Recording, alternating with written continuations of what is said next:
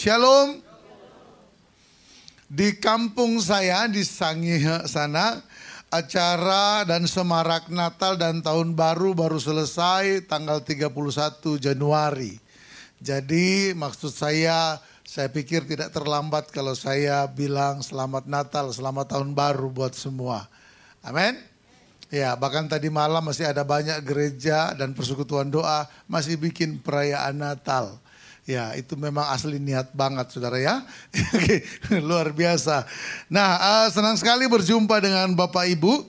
Khususnya untuk menyampaikan firman Tuhan. Dan uh, saya tidak datang sendiri. Istri saya uh, ada bersama dengan saya. Ya, boleh berdiri sayang? Iya, ini istri saya. Bukan pertama kali datang ke keluarga besar rumah doa Ya, pertama kali dia datang waktu masih di apa tuh namanya, Pak? Perdana, ya. Saya lebih ingat Sudirman Streetnya, ya kan? Ya, karena alasan selalu datang hari Sabtu adalah langsung nyebrang. Oke. Okay. Ya, waktu itu anak kami juga masih kecil-kecil.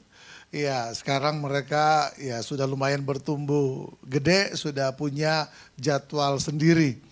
Ya, jadi mereka sekarang sama di lagi ada di rumah Bapak rohani saya dan kami berdua ke sini eh, karena tadi malam saya baru melayani di ibadah pria dan wanita gereja. Kami berdua menyampaikan firman. Lalu saya bilang ya sekalian aja kita berdua ke sini. Oke, siap untuk firman Tuhan? Ya kalau ada jemaat baru, ya saya Yuri Abbas, saya sahabat Anda dari Bekasi. Apa yang coba saya bagi kepada Bapak Ibu, saya beri judul membaca peta rohani. Ya kita punya peta, betul ya? Ya saya nggak tahu berapa orang ah, masih akrab nggak dengan istilah peta, ya kan? Karena sekarang istilah peta kurang akrab, yang akrab adalah Google Map, ya kan? Ya nggak ada lagi istilah buka petanya, nggak ada. Saya masih ingat tahun berapa itu saya dengan teman saya melakukan perjalanan dari Bekasi ke Bali petanya itu empat lipatan ya kan. Ya, lipatan pertama Semarang, lipatan kedua Surabaya, lipatan ketiga Banyuwangi, lipatan keempat baru Bekasi. Jadi waktu sampai Semarang saya kami berdua saling bercanda, baru lipatan pertama. ya, oke okay, luar biasa. Tapi sekarang orang sudah pakai teknologi yang luar biasa. Nah, tidak mengurangi atau tidak mencoba uh, menyerang teknologi, justru saya mau melihat dari sudut pandang rohaninya dan Bersyukur banget karena tadi pagi nonton khotbahnya Pak Ishak untuk ibadah tanggal 1 rupanya berbicara juga tentang perjalanan. Ya puji Tuhan. Ya, Saudara masih ingat khotbah tanggal 1 Januari? Haleluya. Ya, saya mengerti tahun uh, minggu depan saudara akan fokus dengan bayar cicilan. Jadi kalau lupa nggak nggak ada masalah pak ya. Ya minggu depan itu jatuh tempo pak. Jadi saya lebih fokus ke depan ya kan. Lupakan apa yang di belakang ya kan. Haleluya. Ya bicara tentang perjalanan memang selalu menarik karena hidup ini sering diibaratkan sebagai sebuah perjalanan. Nah ada dua hal penting dalam perjalanan. Yang pertama adalah keakuratan petunjuk perjalanan. Betul ya? Ya, kalau petunjuknya salah, eh, Bapak Ibu masih ingat ada beberapa peristiwa eh, tempo hari yang sangat tragis ketika sebuah pesawat dari Korean Airlines yang melenceng radarnya satu derajat. Itu banyak apa sedikit? Sedikit banget ya. Tetapi rupanya begini, melenceng yang sedikit itu ditambah durasi perjalanan berbahaya. Betul ya? Sehingga pesawat itu melenceng ke arah yang lain lalu ada di wilayah konflik dan akhirnya ditembak jatuh. Nah itu pilot seluruh kru dan eh, penumpangnya tentu saja meninggal. Itu mengakibatkan dunia meratap, dunia marah tetapi ternyata setelah diketahui memang petunjuk perjalanan dari pesawat itu bermasalah. Nah, jadi dalam sebuah perjalanan keakuratan petunjuk perjalanan sangat penting. Kemudian yang kedua, selain petunjuknya harus akurat, kesiapan stamina kita melakukan perjalanan. Betul tidak? Ya. Sekarang petanya, petunjuk jalannya udah canggih. Betul enggak? Udah akurat. Sampai gang-gang kecil pun dikasih tahu, ya kan? Tetapi stamina kita siap enggak? Tadi malam saya rasa stamina saya cukup untuk melakukan perjalanan, apalagi sejak masa pandemi ini perjalanan Bekasi ke ke Bandung hari Sabtu baik siang ataupun malam yang biasanya saya lakukan kan saya biasa siang ke sini. Ya, tidak pernah macet. Dan saya berdoa perjalanan seperti itu tidak berubah sekalipun pandemi sudah lewat, ya kan? Haleluya, biar saya senang selalu ke Bandung. Amin. Puji Tuhan. Biasanya kalau mau enjoy Bandung itu berangkatnya Senin, libur hari eh, hari libur pendeta. Kalau hari Sabtu udah deh gelap ya kan. Tapi di masa pandemi ini kosong semuanya. Nah, tapi yang jadi persoalan adalah begini, jalan boleh kosong, jalan boleh macet. Hal kedua yang terpenting adalah stamina kita. Betul nggak Bapak Ibu? Kita sudah sering baca berita baik di media sosial maupun media-media jadul bahwa banyak sekali penyebab perjalanan bukan karena kondisi jalan. Betul ya? Tetapi lebih karena apa? Kondisi drivernya kondisi pengendaranya, stamina-nya nggak kuat. Beberapa waktu yang lalu saya uh, dan istri dan anak-anak melakukan perjalanan ke Jogja. Waktu itu kami jalan setengah empat pagi. Jam 12 saya baru pulang sampai di rumah. Eh, karena ada ibadah pemakaman juga. Lalu dapat info kakak ipar saya, kakak dari istri saya, kakak tertua dipanggil Tuhan. Jadi Ya karena di sana itu budayanya sekalipun Kristen budaya pemakamannya itu sama seperti Muslim Bapak Ibu ya. Kalau meninggal malam diupayakan secepatnya langsung dikubur. Lalu kami jalan setengah empat saya minta sama istri saya kasih saya waktu satu jam untuk tidur, satu dua jam untuk tidur. Nah tapi rupanya ketika dalam perjalanan stamina saya nggak kuat. Saya minta istirahat beberapa kali. Lebih parah lagi ketika matahari terbit. Kalau kita habis begadang terus kemudian ketemu matahari pagi, waduh itu mata langsung silau dan ketika akibat silau ngantuk. Jadi kami berapa kali berhenti. Itu perjalanan Bekasi Perembanan paling lama selama kami melakukan perjalanan. Biasanya wah cepat banget ya kan. Tapi karena stamina nggak kuat sehingga apa? Sehingga perjalanan menjadi lebih lebih lama. Nah, membaca peta rohani hari ini adalah tentang kepekaan kesiapan, dan kepercayaan kita kepada Tuhan supaya kita berjalan dengan dia untuk melakukan firman-Nya. Amin saudara. Jadi membaca peta rohani adalah tentang apa? Kepe, kepekaan. Lalu kemudian yang kedua apa? Kesi, kesiapan. Dan yang ketiga yang tidak kalah penting adalah keper, kepercayaan. Oh iya, Anda peka bisa dengar suara Tuhan. Engkau siap melakukan perjalanan bersama dengan Tuhan. Tapi engkau nggak percaya dengan yang membawa engkau dalam perjalanan itu. Kira-kira kita mau ikut nggak?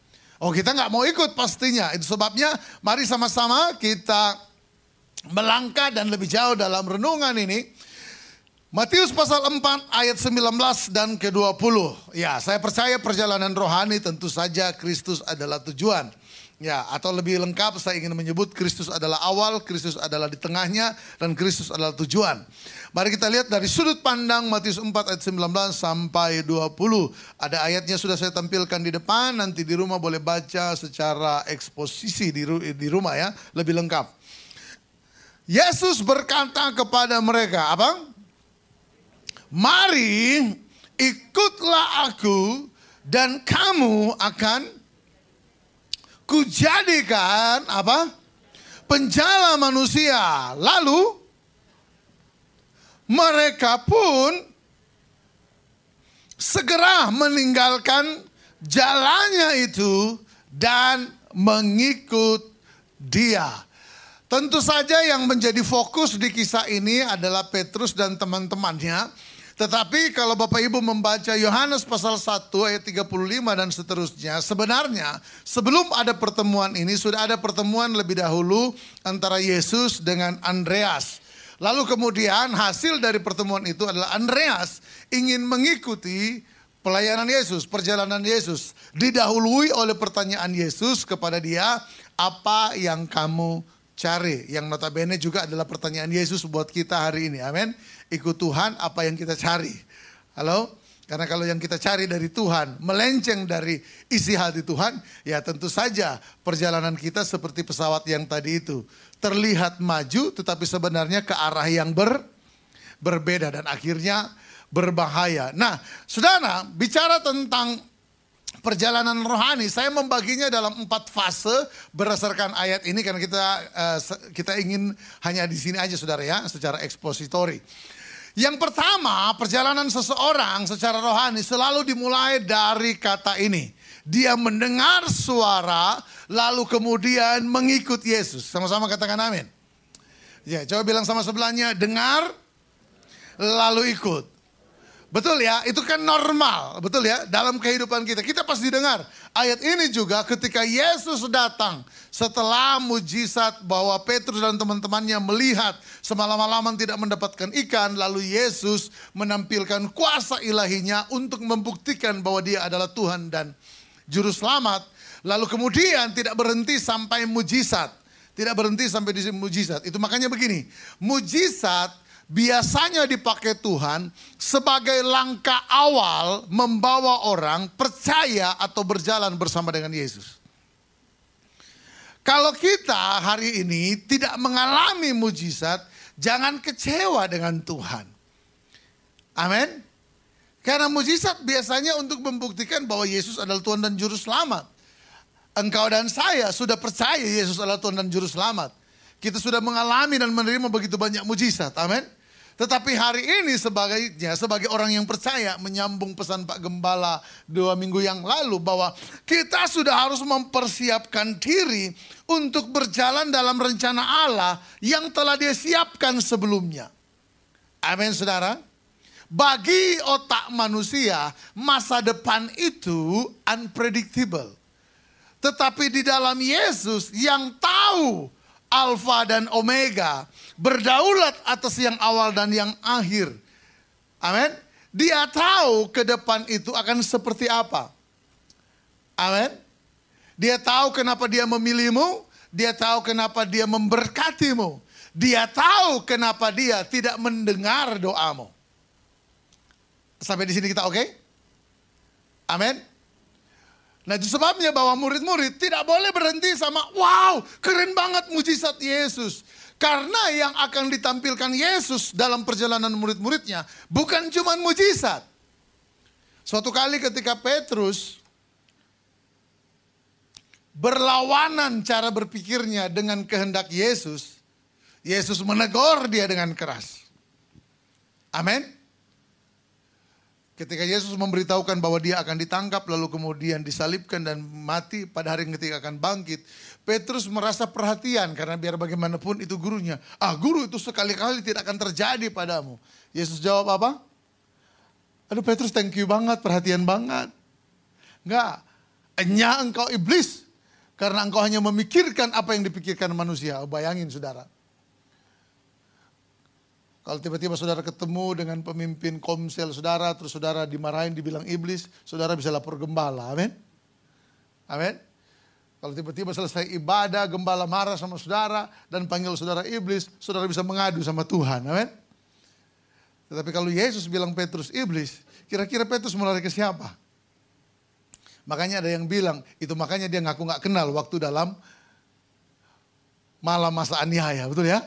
Iya, kesempatan. Orang itu yang bilang saya iblis ya.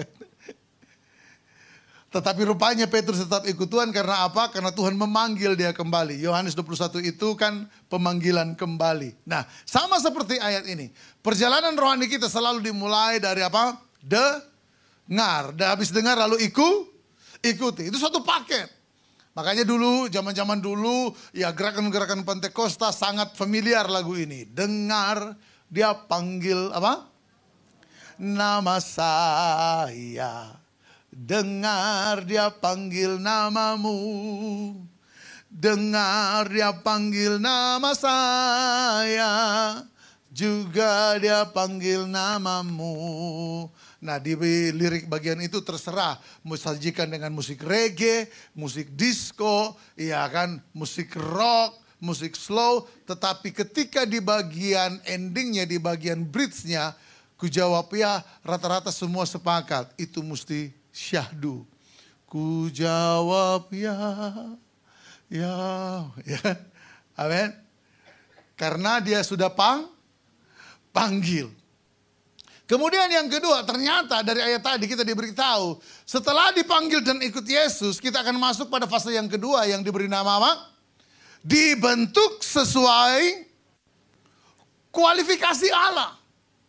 Nanti di bagian ini ada materi yang selanjutnya yang, yang akan saya sodorkan kepada Bapak Ibu. Lalu kemudian setelah dibentuk sesuai kualifikasi, oh iya dong, ya Tuhan kasih karunia-Nya ajaib buat hidup kita. Amin. Tetapi kasih karunia yang ajaib itu tidak membebaskan kita dari pembentukan. Katakan haleluya.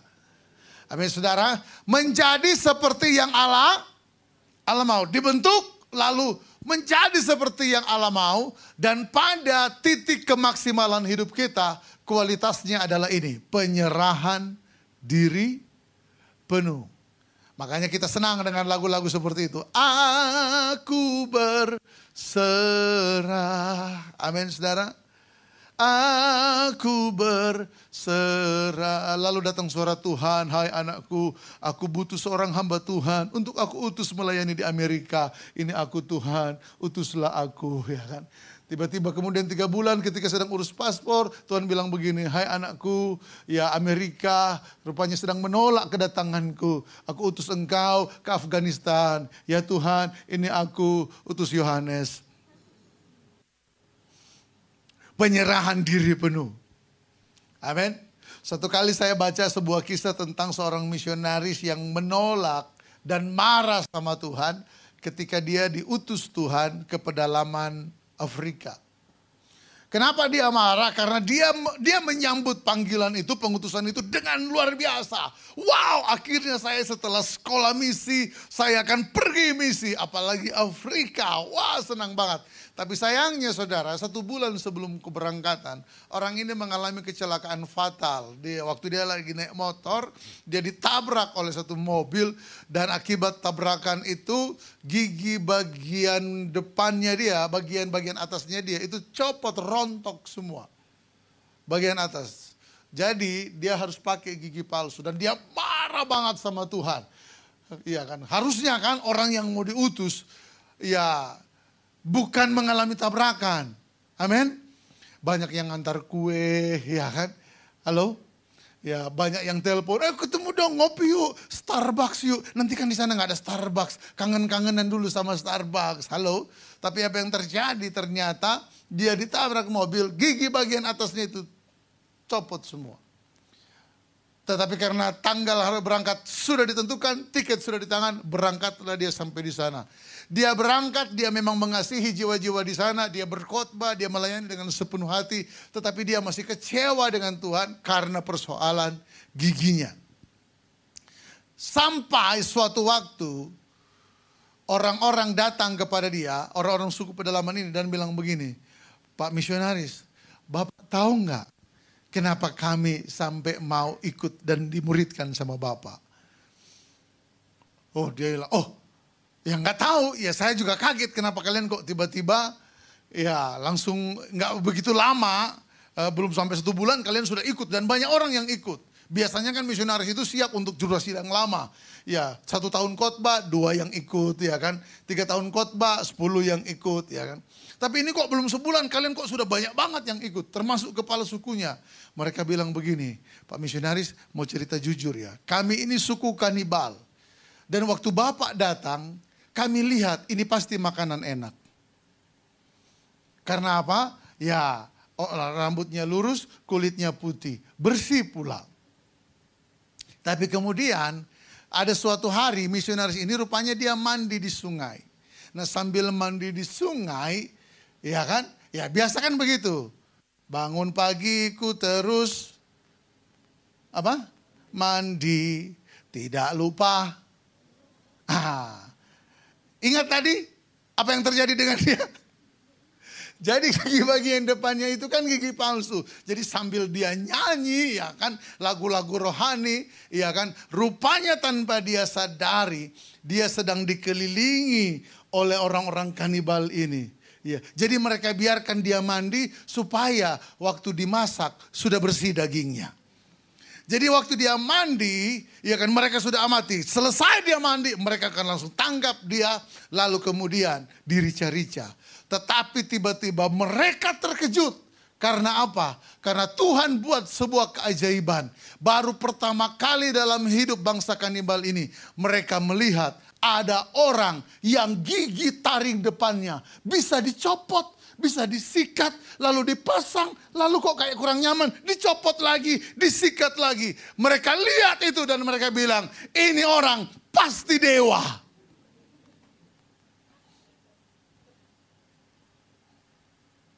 Anda tangkap value dari dari cerita ini? Ini kisah nyata loh saudara, bukan karangan pendeta. Jadi waktu pendeta itu, misionaris itu, dia dengar cerita itu. Dia nangis, dia tersungkur sama Tuhan. Tuhan, terima kasih. Bahwa aku marah sama Tuhan karena aku mengalami kecelakaan. Kecelakaan itu bukan rencana Tuhan. Kecelakaan itu kelalaian manusia. Amin. Tetapi apa yang bagi manusia adalah tragedi di tangan Tuhan bisa diubah menjadi berkat. Amin. Bukan Tuhan yang merancang kecelakaan itu. Halo? Ya kan? Jangan seperti orang-orang di daerah-daerah Kristen itu ya. Ya, ada tetangga kami kalau meninggal, apalagi meninggal karena ya terlalu banyak minum cap tikus, livernya kan matang. Nah, kalau liver matang kira-kira hidup apa mati? Mati, ya kan? Lalu pendeta karena tidak mau membuat keluarga tersinggung, dia bilang begini, ini semua rencana Tuhan. Berarti Tuhan yang belikan cap tikus sama dia. Dia nangis, dia nangis dan baru dia sadar, Tuhan terima kasih, ampuni aku. Karena aku selama ini melayani, aku berkhotbah. Tetapi aku tidak pernah mau berserah penuh sama Tuhan. Kenapa? Karena aku marah sama Tuhan. Hari ini dia mengerti, rupanya apa yang bagi dia tragedi, bagi Tuhan adalah tindakan perlindungan. Amin. Amin. Itu sebabnya jangan pernah takut untuk memulai sebuah perjalanan rohani. Dimulai dari mendengar, lalu sampai pada penyerahan, penyerahan diri penuh. Nah, saudara, dalam sebuah perjalanan biasanya kita punya kompas. Saya menyebutnya bahwa kompas itu adalah hidup kita harus searah dengan firman firman Allah. Perhatikan, ketika Yesus memanggil murid-muridnya, mereka dipanggil dengan kalimat ini, "Kamu akan kujadikan apa? Penjala manusia." Bilang sama-sama, penjala manusia. Kalau Bapak Ibu periksa perjanjian lama, maka tidak pernah ditemukan kata ini. Tidak pernah. Orang Yahudi itu tahu penjala ikan. Apa itu penjala ikan? Mereka tahu tukang kayu itu apa. Tapi penjala manusia ini istilah baru. Tapi tentu saja istilah baru ini tidak begitu sulit dipahami oleh murid-murid. Kenapa? Karena mereka sedang berada dalam radius hadirat Tuhan.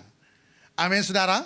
Yesus datang oleh anugerahnya membawa mereka berita atau kata Yesus yang di depan juga mari ikutlah aku itu adalah sebuah panggilan keintiman.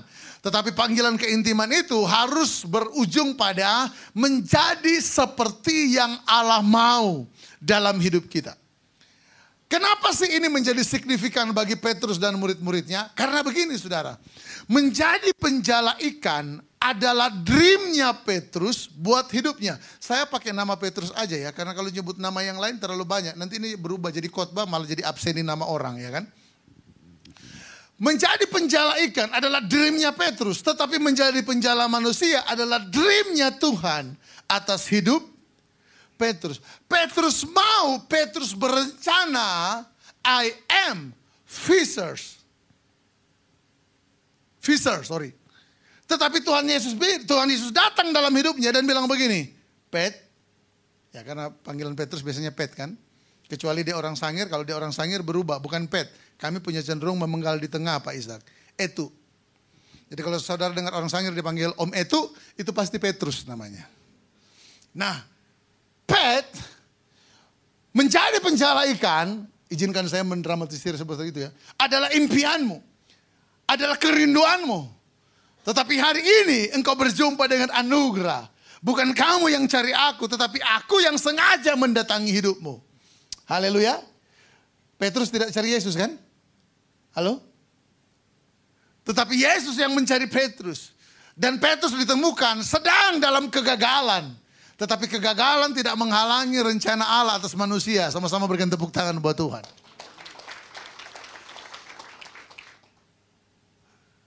Petrus mulai hari ini kamu akan menjadi penjala manusia. Saya catat di sini bahwa ternyata begini saudara. Menjadi penjala manusia adalah posisi hidup yang maksimal dalam diri seorang murid Kristus. Ini bukan tujuan akhir, katakan amin. Tetapi berada dalam fase hidup yang maksimal berarti kita sedang berada dalam pusat kehendak Allah serta menikmati pemeliharaan dan penyertaannya. Amin. Menjadi penjala manusia untuk seorang Petrus dan juga panggilan yang sama atas hidup kita. Amin. Amin. Kita hidup kita harus jadi saksi, jadi berkat. Amin. Supaya lewat apa yang terjadi dalam hidup saudara, lewat perbuatan Tuhan, kebaikan Tuhan, penyertaan Tuhan dalam hidup saudara, orang di luar sana melihat betapa ajaibnya Tuhan itu. Amin. Tetapi itu bukan tujuan akhir. Oh ya tujuan akhir kita adalah sorga dalam keabadian bersama dengan Tuhan. Amin. Tetapi penjala manusia adalah sebuah fase hidup di mana begini. Engkau berada dalam kemaksimalan. Beberapa orang senang menyebutnya dengan istilah kedewasaan penuh.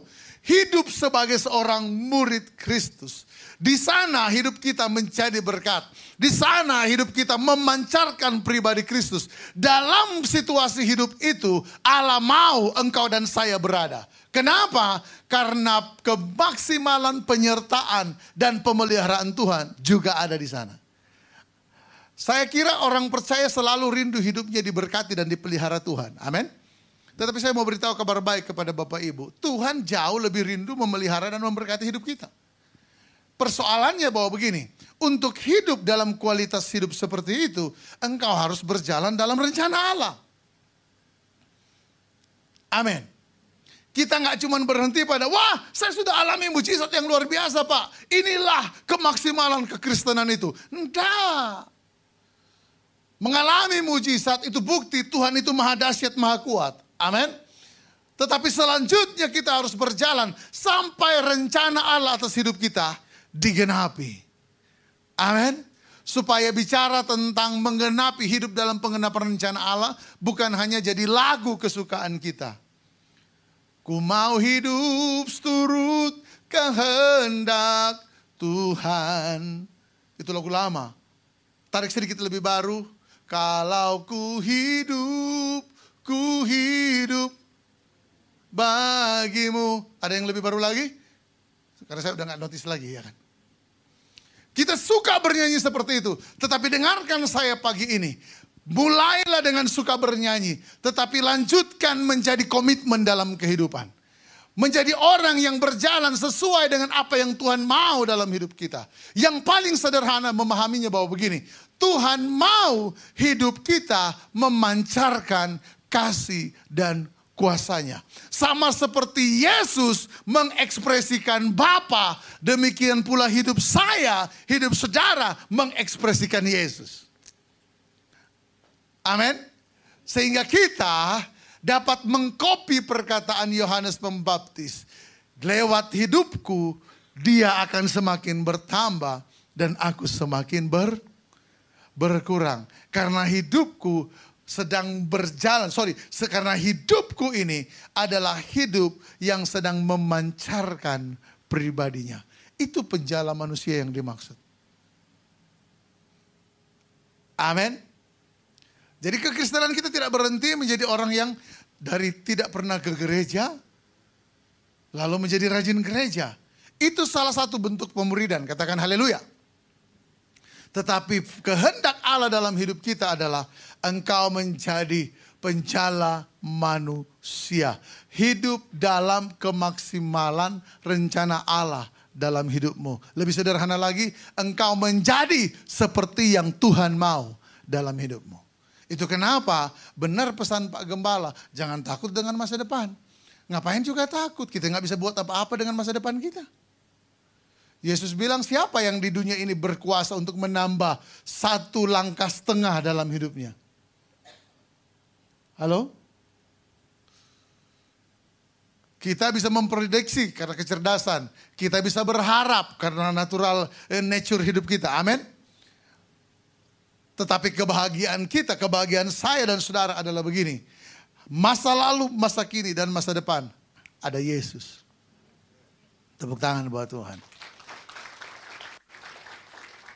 Makanya ketika Yesus mem memperkenalkan dirinya sebagai Allah Alfa dan Omega dalam kitab Wahyu, itu bukan saja bicara rentang waktu, saudara. Ya betul ukurannya rentang waktu karena yang digunakan adalah Alfa, yang awal, betul ya? Dan O, Omega, yang akhir. Tetapi sebenarnya Allah memperkenalkan diri sebagai Allah Alfa dan Omega.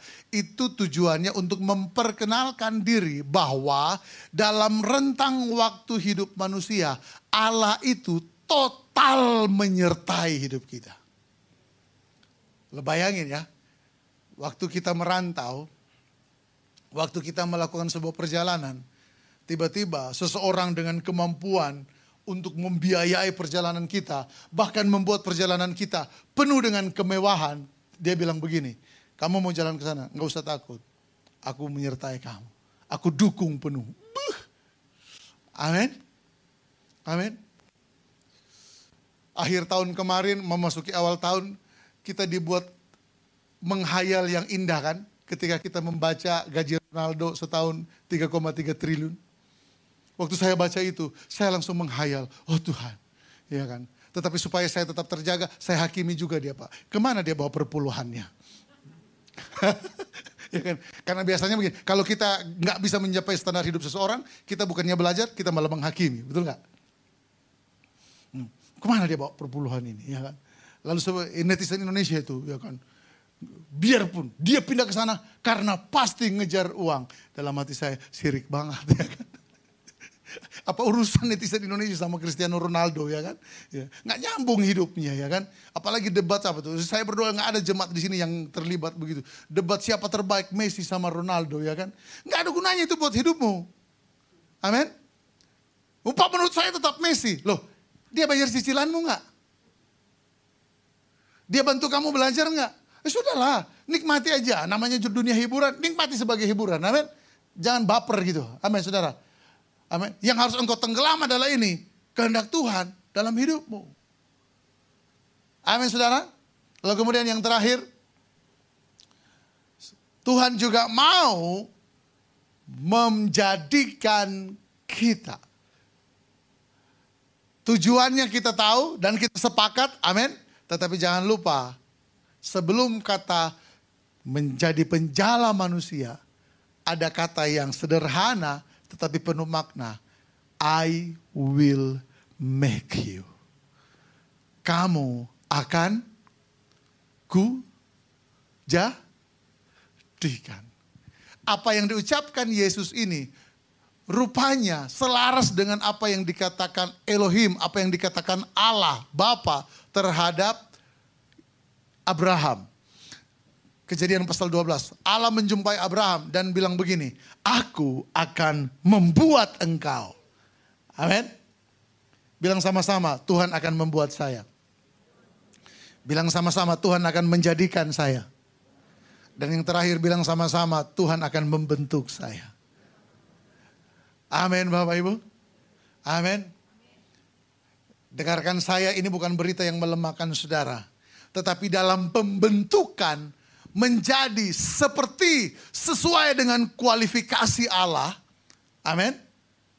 Maka Allah akan melakukan apa pun yang perlu untuk membentuk hidupmu.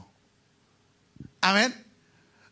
Jangan curiga sama Tuhan. Jangan curiga sama Tuhan. Amin. Ada banyak orang curiga sama Tuhan, makanya tidak mau berserah. Di, di kampung kami ada jokes bapak-bapak. Pernah lihat dulu ada stiker yang yang tangan itu? Halo alumni-alumni angkot. Ya, yang pernah sekolah naik angkot dulu ya kan. Biasanya di sopir angkot yang paling sering kayak begitu ya kan. Ya, taruh stiker yang ada tangan, terus ditaruh foto. Ya kan. Lalu teman saya, pas saya naik, saya tanya, Kenapa enggak ada fotonya? Ya kan? Dia ketawa aja. Terus dia tanya, memang enggak tahu cerita-cerita lucu di sini? Oh enggak tahu saya bilang. Kenapa?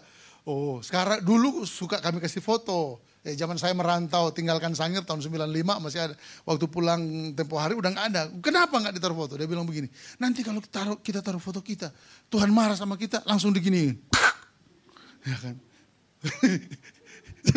ya ampun, kok bisa begitu mikirnya? Ya jokes sih, tetapi lumayan buat bantu kita memahami bahwa banyak orang nggak percaya dengan pembentukan Tuhan. Padahal Yeremia telah menyampaikan suara Tuhan bahwa aku Tuhan memiliki rancangan apa dalam hidup kita yang mendatangkan kecelakaan apa keselamatan, kekacauan apa damai sejahtera damai sejahtera. Makanya begini, berlatih mulai hari ini, mempercayai dan mempersembahkan hidup pada pembentukan Tuhan. Pak, saya mau tutup begini. Saya ini menjadi hamba Tuhan tidak otomatis berubah temperamen saya. Roh dosa yang memperbudak saya dikalahkan. Amin. Tetapi nature dosa kan tertinggal di dalam tubuh yang fana ini. Makanya kita masih bisa tersinggung, kita masih bisa baper, padahal bukan kita yang diomongin, tapi kita curiga, ya kan? Lihat orang ngumpul-ngumpul di, di pojok, kita dekatin, waktu kita dekatin, mereka diam, langsung kita baper. Itu kan akibat apa? Nature dosa. Dalam perjalanan rohani saya, saya menemukan bahwa ternyata begini, engkau akan berubah menjadi seperti yang Tuhan mau kalau engkau sepenuh hati memberi diri dibentuk oleh Tuhan. Makanya nikmati 2023 ini dan memiliki kata kunci. Aku mau dengar suara Tuhan dan aku mau mempersembahkan diriku berserah penuh dalam pembentukan Tuhan. Pembentukan di sini saya mau ingatkan saudara, Tuhan bisa pakai apa pun dan siapa pun untuk membentuk kita. Tetapi percayalah, pembentukan ini tidak hanya berisi tentang hal-hal yang pahit. Pembentukan ini juga bisa manis. Mana yang lebih banyak terjadi dalam hidup kita, saya tidak dapat memprediksinya.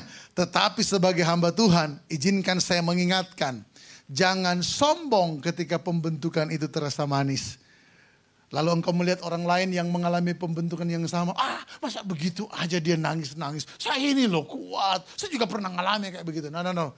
Kalau pembentukannya terasa sombong, terasa manis, jangan sombong. Sebaliknya, kalau terasa pahit, jangan juga kecewa, apalagi lari. Amin. Jangan menyerah. Pembentukan belum selesai. Perjalanan belum selesai. Engkau telah menerima petanya hari ini. Tuhan akan membawa kita sesuai dengan kemaksimalan rencananya. Dan kabar baiknya adalah dia selalu ada menyertai kita dalam perjalanan ini. Tuhan selalu hadir di setiap fase hidup kita. Kalau saudara percaya Tuhan itu ada, tambahkan ini. Tuhan itu bukan cuman ada, tetapi dia ada untukmu. Dia ada menyertaimu. Amin untuk firman Tuhan. Haleluya. Mari sama-sama kita berdiri. Pak Ishak saya masih punya waktu? Oke. Saya ingin kita nyanyi satu lagu. Satu lagu yang sangat sederhana